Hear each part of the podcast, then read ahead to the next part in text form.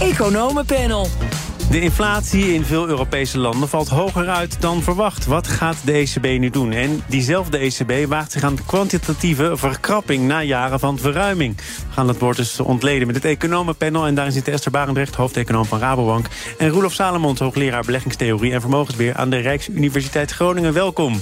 Goedemiddag. Goedemiddag. Laten we maar eens beginnen bij die inflatiecijfers. Die waren onverwacht hoog. Ook in Nederland kwam de inflatie in februari uit op 8% Blijkt uit de berekeningen van het CBS. Maar in de eurozone als geheel bleef de jaar-op-jaar inflatie 8,5 procent. En wij spraken daar vorige week over met ECB-watcher Karsten Bozeski van ING. Hij zei het volgende. Kijk, het probleem is dat de inflatie toch hardnekkiger hoog blijft dan de markten hadden verwacht. Er is ook heel veel invloed van overheidsingrepen. Dus was er nu wel een energieprijsdeksel al of niet? Dat uh, verklaart bijvoorbeeld waarom in Frankrijk nu die inflatie stijgt. In Duitsland zou zo zijn een klein beetje dalen. Juist vanwege die uh, energieprijsdeksel uh, begin van het jaar. Maar voor de ECB is die inflatie duidelijk te hoog. En vandaar gaan ze door met renteverhogingen. Viel het jou ook tegen, Esther, die 8% voor Nederland dan? Ja, zelfs nog ietsje meer, maar uh, het zat wel behoorlijk dicht bij wat wij verwacht hadden. Um, en ik denk wat belangrijk is um, hier, dat eigenlijk zie je juist hè, dat, die, dat die het gewicht van de inflatie, of van de energieprijzen, dat wordt eigenlijk juist minder. Hè, omdat uh, we hebben natuurlijk dat prijsplafond en ook in de groothandelsmarkten zijn die uh, prijzen gedaald. Maar andere dingen, die worden allemaal steeds duurder. He, dus, de, dus echt de kerninflatie en ook de voedingsinflatie, voedsel in de supermarkten. Ja, daar zie je echt dat de prijzen maar doorstijgen en doorstijgen. En uh, ja, dat begint nu echt uh, te tellen. Ja. Hoort voedsel ook niet buiten die kerninflatie? Ja, voedsel, precies. Daarom noemde ik het, energie en voedsel. Ja, daarom noem ik het eventjes apart. Maar voedsel in januari lagen de prijzen 15% hoger dan een jaar geleden. En wij verwachten ook eigenlijk niet dat we daar nu klaar mee zijn. Dus dit zal nog een tijdje doorstijgen. Gewoon omdat um, ja, voedselproducenten nog steeds bezig zijn om de verhogingen in kosten waar zij mee te maken hebben en hebben gehad, om die door te prijzen aan supermarkten. Er zijn stevige onderhandelingen gaande. Um, maar ja, we denken dus dat het einde nog niet helemaal is. Maar ik kwam een econoom van Rabobank tegen. Uh, die zei: deze zomer dan zou de piek toch wel eens bereikt. Nu moet je uitkijken, hè? Ja, dat klopt. Dat was vast Sebastiaan Schreier. Die inderdaad. Ja, ja inderdaad. Dat, ja. ja. Nee, Deze zomer, een paar maanden nog. Nou ja, dat is een beetje ah, dat is de verwachting. Ja, precies. Roelof, uh, hogere inflatie, nu ook voor langere tijd. En dat viel denk ik ook een beetje tegen... omdat veel mensen toch uh, het idee hadden van... nou, de afgelopen maanden ging die inflatie naar beneden. Uh, was het voor jou een tegenvaller? Nou ja, nee, niet, het was in die zin niet een tegenval. Omdat je aan de andere kant ook gewoon ziet dat je economische groei gewoon veel langer, veel hoog blijft. We gingen het van het begin van het jaar dacht iedereen inflatie gaat naar beneden. Ja, maar was in het begin van het jaar dacht ook iedereen dat we dit jaar een harde landing zouden krijgen, wellicht.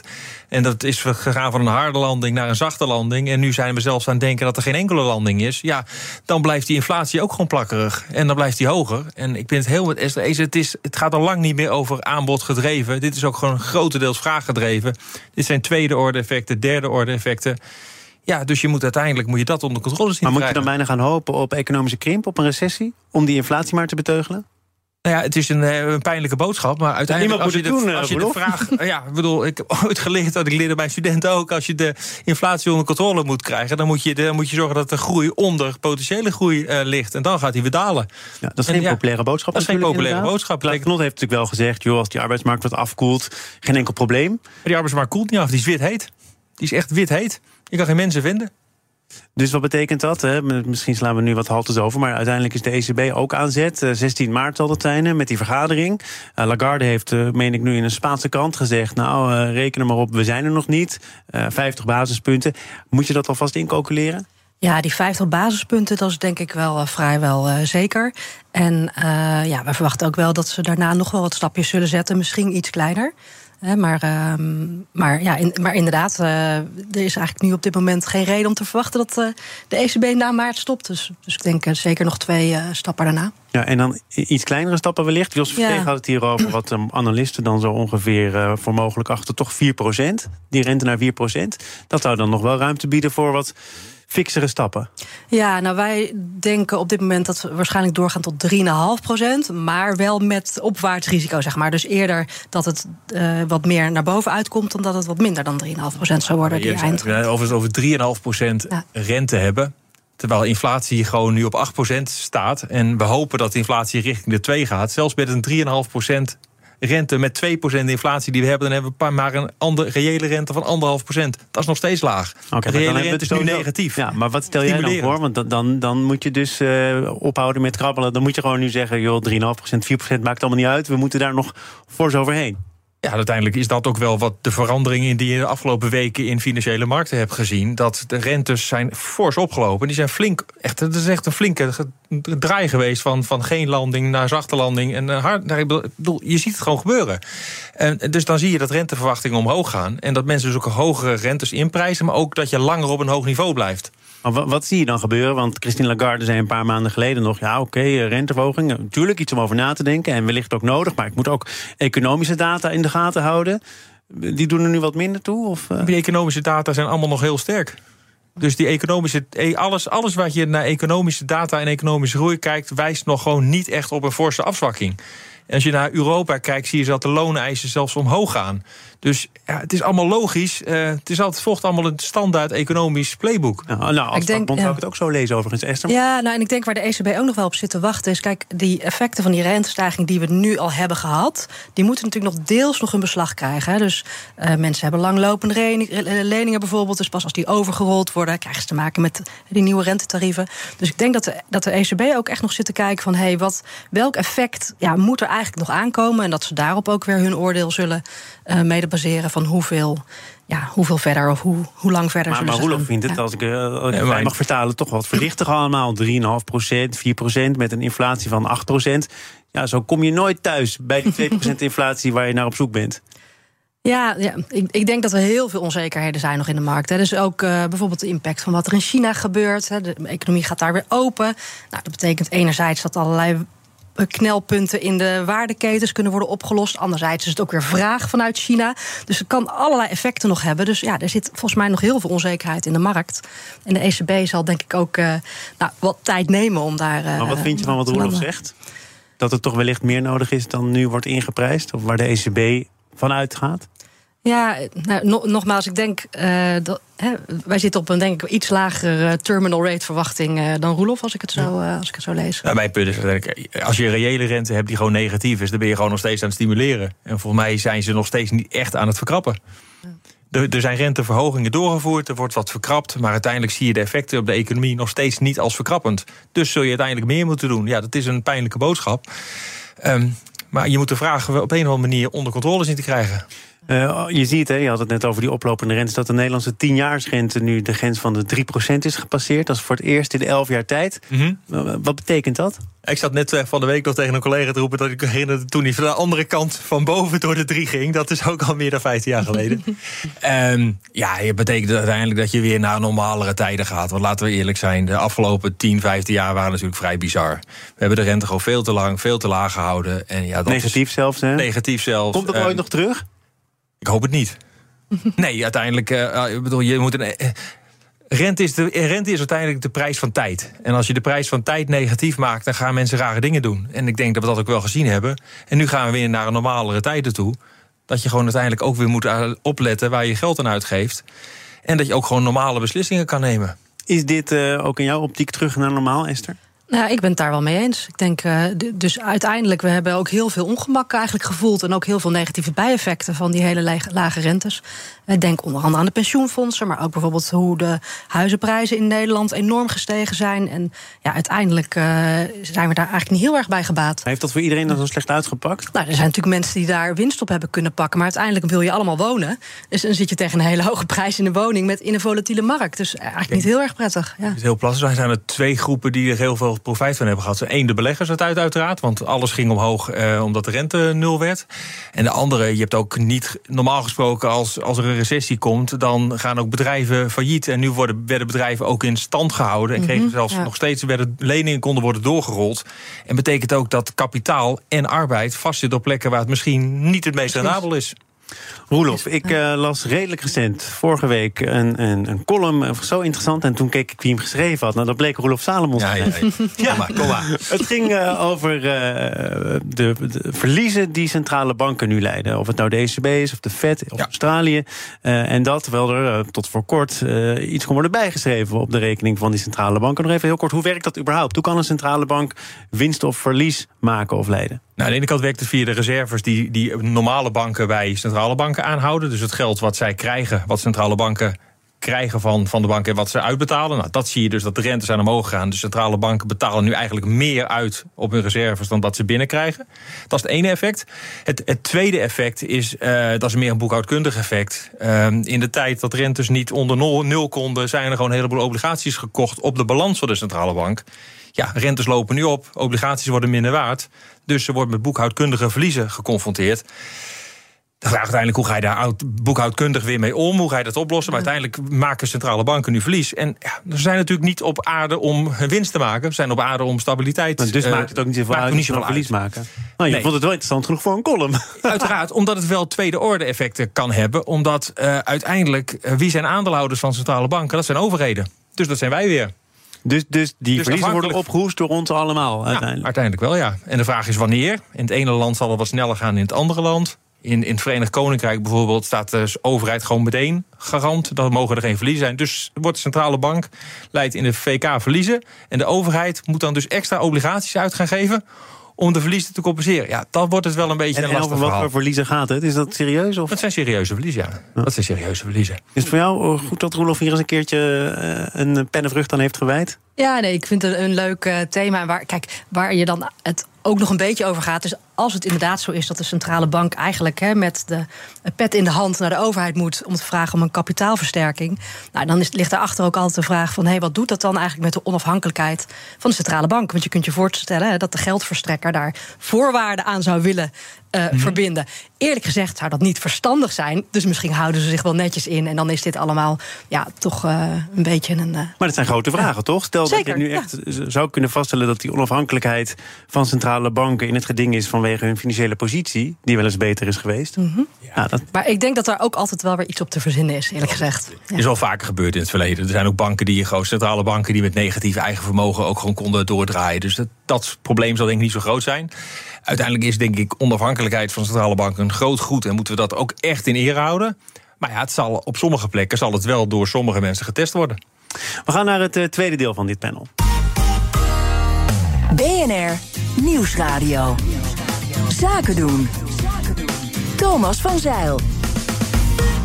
Het economenpanel is de gast. Esther Barendrecht, Roelof Salomons. Met veel uh, centrale banken als onderwerp in dit panel. Want na jaren van ongekend ruim monetair beleid... begeeft de Europese Centrale Bank zich vanaf 1 maart, begin deze maand... dus op relatief onbekend terrein kwantitatieve verkrapping en kwantitatieve verruiming. Daar hebben we de afgelopen jaren uitgebreid mee kennis kunnen maken. Maar dit wordt omschreven als een experiment.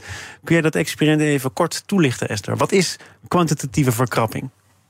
Ja, dat is eigenlijk de tegenhanger van de kwantitatieve verruiming die we de afgelopen jaren hebben gezien. Dus dat was dat bijzondere monetaire beleid, waarbij de centrale bank heel erg veel activa uit de markt viste. En zo uh, ja, onder andere um, daar uh, zorgde voor lage rentetarieven. En nu zeggen ze nou, we hebben uh, nu um, ja, een andere situatie. Dus we willen eigenlijk weer van die activa langzaam, dat moet ik er wel echt bij zeggen, langzaam weer vanaf. En ik denk wat ook belangrijk is om te zeggen: van dit is, doen ze eigenlijk niet in eerste instantie om die inflatie te bestrijden. Dat gaat veel meer via de rentetarieven. Maar juist ja, om die balans weer een beetje meer op orde te brengen. En ook eigenlijk om ja, ik denk een beetje beleidsruimte te creëren voor een volgende uh, crisis maar, waarin ze het instrument weer uit de markt zijn. prima volgen, zoals jij het uitlegt. Hè. Economie verandert, omstandigheden veranderen. Wat we deden, daar kunnen we niet mee doorgaan. Sterker nog, dat werkt nu averechts. Dus we gaan het tegenovergestelde doen. Dat is een beetje ja, de gedachte. Met die verstande dat het wel met hele kleine stapjes uh, uh, gaat. Oh, het gaat, gaat wat jou betreft niet snel genoeg. Dat is het voornaamste. Um, nou, ja dat vind ik. Ik denk eigenlijk dat ze er verstandig gaan doen om het in kleine stapjes te doen. Maar, dat het, maar uh, in het verleden is dat aankopen is in hele grote stappen gegaan. En nu gaan ze het heel voorzichtig, denk wel verstandig, uh, weer afbouwen. Er was een, een, groot stuk aan gewijd, onder, andere, onder andere in het FD. Isabel Schnabel kwam daarin uh, aan, aan, aan bod. Die heeft getwitterd dat het eigenlijk niet zo heel veel zou uitmaken. Dat het symmetrisch is, zoals dat werd uitgelegd. Uh, je, je, deed het een, je doet het ander. En uiteindelijk uh, komt dat eigenlijk wel redelijk in het midden uit. Wat denk jij? Ja, ik moet eerlijk zeggen, we kunnen, je kan het ene kant op redeneren, je kan de andere kant op redeneren. Eerlijk gezegd, we weten het gewoon niet. Uiteindelijk wisten we dat beleidsrentes konden we niet onder nul krijgen. Dus in plaats dat we de korte rente die de centrale bank stuurt, zijn we de lange rente gaan beïnvloeden door het op te kopen. Nou, nu zijn we de korte rente, zet de centrale bank omhoog en gaan ze aan de lange kant gaan ze obligaties verkopen. Dus dat zal eerder omhoog gaan. De vraag uiteindelijk die, die cruciaal zal worden, is hoeveel obligaties gaan er op de markt komen? En hoeveel pensioenfondsen, verzekeraars, andere beleggers, instituten, centrale bank gaan die, gaan die obligaties zijn kopen? Want dat zal bepalen hoe snel die rentes omhoog gaan. Daar, zit het toch in, beperkte vraag, terwijl het aanbod toeneemt? Nou, ik, op zich kan ik het het kan snel omhoog gaan, maar ik denk ook dat er voldoende beleggers zijn. Met name hele lange termijn georiënteerde beleggers die graag een obligatie kopen op 4, 5 procent eh, rente. Want dan kan je tenminste weer normale rendementen maken zonder dat je heel veel risico hoeft te nemen. Afgelopen jaren moest je, kon je dat alleen bereiken door heel veel risico te nemen. Nou, straks kan je weer een veilige staatsobligatie kopen op 4, 5 procent. Nou, kom maar door. Maar als jij zegt, we weten het niet, nou, nou hoort dat nou helemaal zo. Als je iets nieuws doet, dan weet je nooit precies wat dat voor effect heeft. Maar is dat dan ook gevaarlijk? Ja, omdat je altijd, uh, je krijgt altijd, uh, als je iets nieuws doet, dan weet je nooit precies wat de unintended consequences zijn in een mooi Nederlands woord. Um, en de unintended consequences van 0% rente wisten we niet. En het afbouwen ervan weten we dus ook niet. Is, is het een risicootje? Want jij zegt het gaat allemaal heel gematigd. Ja, nou ja, kijk, waar ze natuurlijk benieuwd naar zijn, is onder andere of dan uh, ja, bijvoorbeeld de, uh, de spreads weer gaan oplopen. Hè? Dus dat ze bepaalde partijen toch een hoger risico uh, rente moeten gaan betalen. Nou, en dat zou dan uh, weer, dat, he, dat heet dan fragmentatie. Dat vindt de ECB niet prettig. En als dat uh, te hard gaat, ja, dan moeten ze weer andere instrumenten gaan inzetten. Instrumenten maar dan ja. bedoel je Italië, bedoel je Italië specifiek even? Ja, om, bijvoorbeeld. Maar, je, ja, maar misschien dat er ook wel. het hoeft niet per se om landen te gaan. Hè. Het kan ook zijn dat er partijen in de markt zijn die toch ja, wellicht wat rentegevoeliger zijn. Ja. Nou, ja, ik mag toch hopen dat als je een goede CFO bij een bedrijf hebt, dat hij zijn financiële balans redelijk op orde heeft. En als hij te veel geleend heeft, ja, dan. Ja, is het misschien ook niet zo erg als daar een consequentie aan ja. vastzit. Nee, dat is het ook. Ja. We gaan naar het Nederlandse vestigingsklimaat via een Spaans omweggetje. Want er is een Spaans bouwbedrijf, Verobial, als ik het uh, enigszins goed uitspreek, dat van plan is om uh, naar hier te verkassen. Het hoofdkantoor in ieder geval. Het gaat om een bedrijf met een omzet van 7,5 miljard euro. Wereldwijd 63.000 werknemers. Het is nog wel zo dat de aandeelhouders akkoord moeten gaan met die voorgenomen verhuizing. En het valt natuurlijk op omdat de afgelopen weken uh, het vestigingsklimaat in Nederland onderwerp van discussie was. Veel Nederlandse bedrijven zijn nou ons hier niet meer gezien. We vinden het onaantrekkelijk worden. En dan in één keer zo'n Spaans bedrijf dat zegt... Nederland, het beloofde land, uh, de internationale markt aan onze voeten. Wij moeten naar Nederland. Uh, Esther, is dat inderdaad zo opvallend? Ja, ik, ik heb het gevoel dat er wel een beetje veel consequenties aangehangen worden. Ik zou zeggen, één zwaluw uh, maakt nog geen zomer. En omgekeerd trouwens ook. Hè, dus één uh, vertrekvogel zeg maar, zeg maar, maakt ook nog geen winter. Maar er zijn er wat meer van inmiddels. Het waren wel, ja. wel grote vogels. het waren wel grote vogels. Maar er waren, ja, waren ook wel specifieke vogels. Hè, die uh, al in meerdere landen. Maar goed. Um, nee, ja, dus ik, wat ik ook wel... Je ziet in Spanje eigenlijk dat er meteen enorm wordt gereageerd... op het, het belastingvoordeel wat ze door deze uh, verandering zouden, van zetel zouden kunnen krijgen. 40 miljoen? Ja. En, Valt mee op een omzet van 7,5 miljoen. Nou ja, en ik vind dus in, in algemene zin van... Uh, ik vind, we moeten niet te veel ons vestigingsklimaat willen ophangen aan uh, fiscaliteit. Ook niet denken dat dat alles bepaalt. dus um, wat ook heel belangrijk is, is gewoon of bedrijven hier de juiste mensen kunnen vinden. Of ze hier in uh, kennisnetwerken terechtkomen. Of die mensen die hier dan gaan werken, of die ook hun kinderen naar goede scholen kunnen brengen. Dus uh, er is echt wel een veel breder perspectief op. Ja, op dat vestigingsklimaat dan er in de politiek en nu in de politiek in Spanje zeg maar, uh, wordt gegeven. Dus, dus dat, dat uh, ja. Wat is jouw oordeel over deze misschien enigszins opmerkelijke verhuizing? Nou, ja, ik sluit me wel aan met de opmerking. Het is één bedrijf wat deze kant op komt, terwijl er een aantal anderen uh, gezegd hebben van wij uh, kiezen eieren voor ons geld. Ik denk dat we als Nederland wel even goed moeten nadenken. Uh, en dat is sowieso een oproep die we sowieso vaker moeten doen. Van waar willen we uiteindelijk ons geld mee verdienen? Um, willen we een belastingparadijs zijn? Nee, dat willen we niet. Uh, we willen wel uh, hoogwaardig werk hier hebben. We willen een hoogwaardige uh, we willen veel investeringen hebben. We willen veel investeringen in, ja, in intangibles hebben. Dus niet in harde fabrieken waar we andere problemen mee gaan krijgen. Met, met, met uitstoot en waar we geen plek voor hebben. Maar je verdient toch niet zoveel geld als dit bedrijf nee, een hoofdkantoor naar Nederland verhuist? Ik denk dat dit uiteindelijk is. Het eerste wat ik zag was dat dit 10% belastingvoordeel is voor Ferrovial. Maar voor de rest zie ik niet heel veel banen hier extra gecreëerd gaan worden in Nederland. Maar, maar dat vestigingsklimaat, hè, hoe slecht is dat nu? Jij zegt dat valt allemaal mee met de Exodus. Maar als je kijkt naar wat de de, de kritieken zijn de laatste tijd... dan gaat het niet alleen over het belastingvoordeel... dat enigszins Mhm. verdwijnt, maar ook over onderwijs, over infrastructuur... over vergunningen, het elektriciteit, eigenlijk alles wat je net noemt. Ja, en ik denk wat eigenlijk wat mij het meeste zorgen baart, is eigenlijk eh, dat de overheid er zoveel moeite mee heeft om eh, ja, steeds complexere dossiers, die ook allemaal met elkaar samenhangen, op te lossen. Dus inderdaad, stikstof is natuurlijk een hele grote uitdaging. Eh, de woningmarkt is een hele grote uitdaging. Ons onderwijs is eh, voor de lange termijn superbelangrijk. En ja, op al die dossiers zie je eigenlijk steeds maar dingen een beetje vastlopen. En eh, dat, is- dat is denk ik ja, eigenlijk mijn grootste punt van zorg. Dat vind ik op zich ook niet zo gek dat die dossiers dan vastlopen. Want je kan dit niet door één persoon centraal Nee. geleid laten Nee. oplossen. Dit, uiteindelijk zijn, is het zo complex dat je de markt dit moet laten oplossen. En de vraag is dan hoe je dat op een goede manier doet. Maar daar moet je dan een verhaal hebben. Wat zijn de banen die we willen hebben? Waar willen we in investeren? Het zijn toch publieke voorzieningen? Zeg je dat moet de markt oplossen? Nee, pu- nee, nee de publieke voorzieningen moet je, moet je als overheid oplossen. Eh, maar je moet, je, je moet de, eh, de situatie creëren dat uiteindelijk de bedrijven. Uiteindelijk, de bedrijven zorgen voor banen. De overheid zorgt niet voor banen. Tenminste, Nou. als je voor banen zorgt, dan betaalt iemand anders uiteindelijk. Eh, de groei komt uiteindelijk uit het bedrijfsleven vandaan. En die banen wil je graag, graag hebben. En als je vroeg net de vraag van maak je je zorgen over? Ja, ik maak me over de studenten die in mijn collegezaal maak me af en toe wel zorgen waar die een baan in Nederland gaan vinden. Want ik zie dat de helft gewoon ook vrij makkelijk in, in heel Europa aan het werk gaat. En sommige banen zou ik graag in Nederland willen houden. Roelof Salomons, hoogleraar beleggingstheorie en vermogensbeheer aan de Rijksuniversiteit van Groningen en adviseur bij verschillende financiële instellingen. En Esther Barendrecht, hoofdeconoom bij Rabobank. Sommige vogels komen ook weer terug, hè, dus tot een volgende keer. Dit panel is eh, te beluisteren ook overigens als podcast. Abonneer je vooral even via je favoriete kanaal of de app van BNR. Zometeen gaat het over waterstof in de transportsector.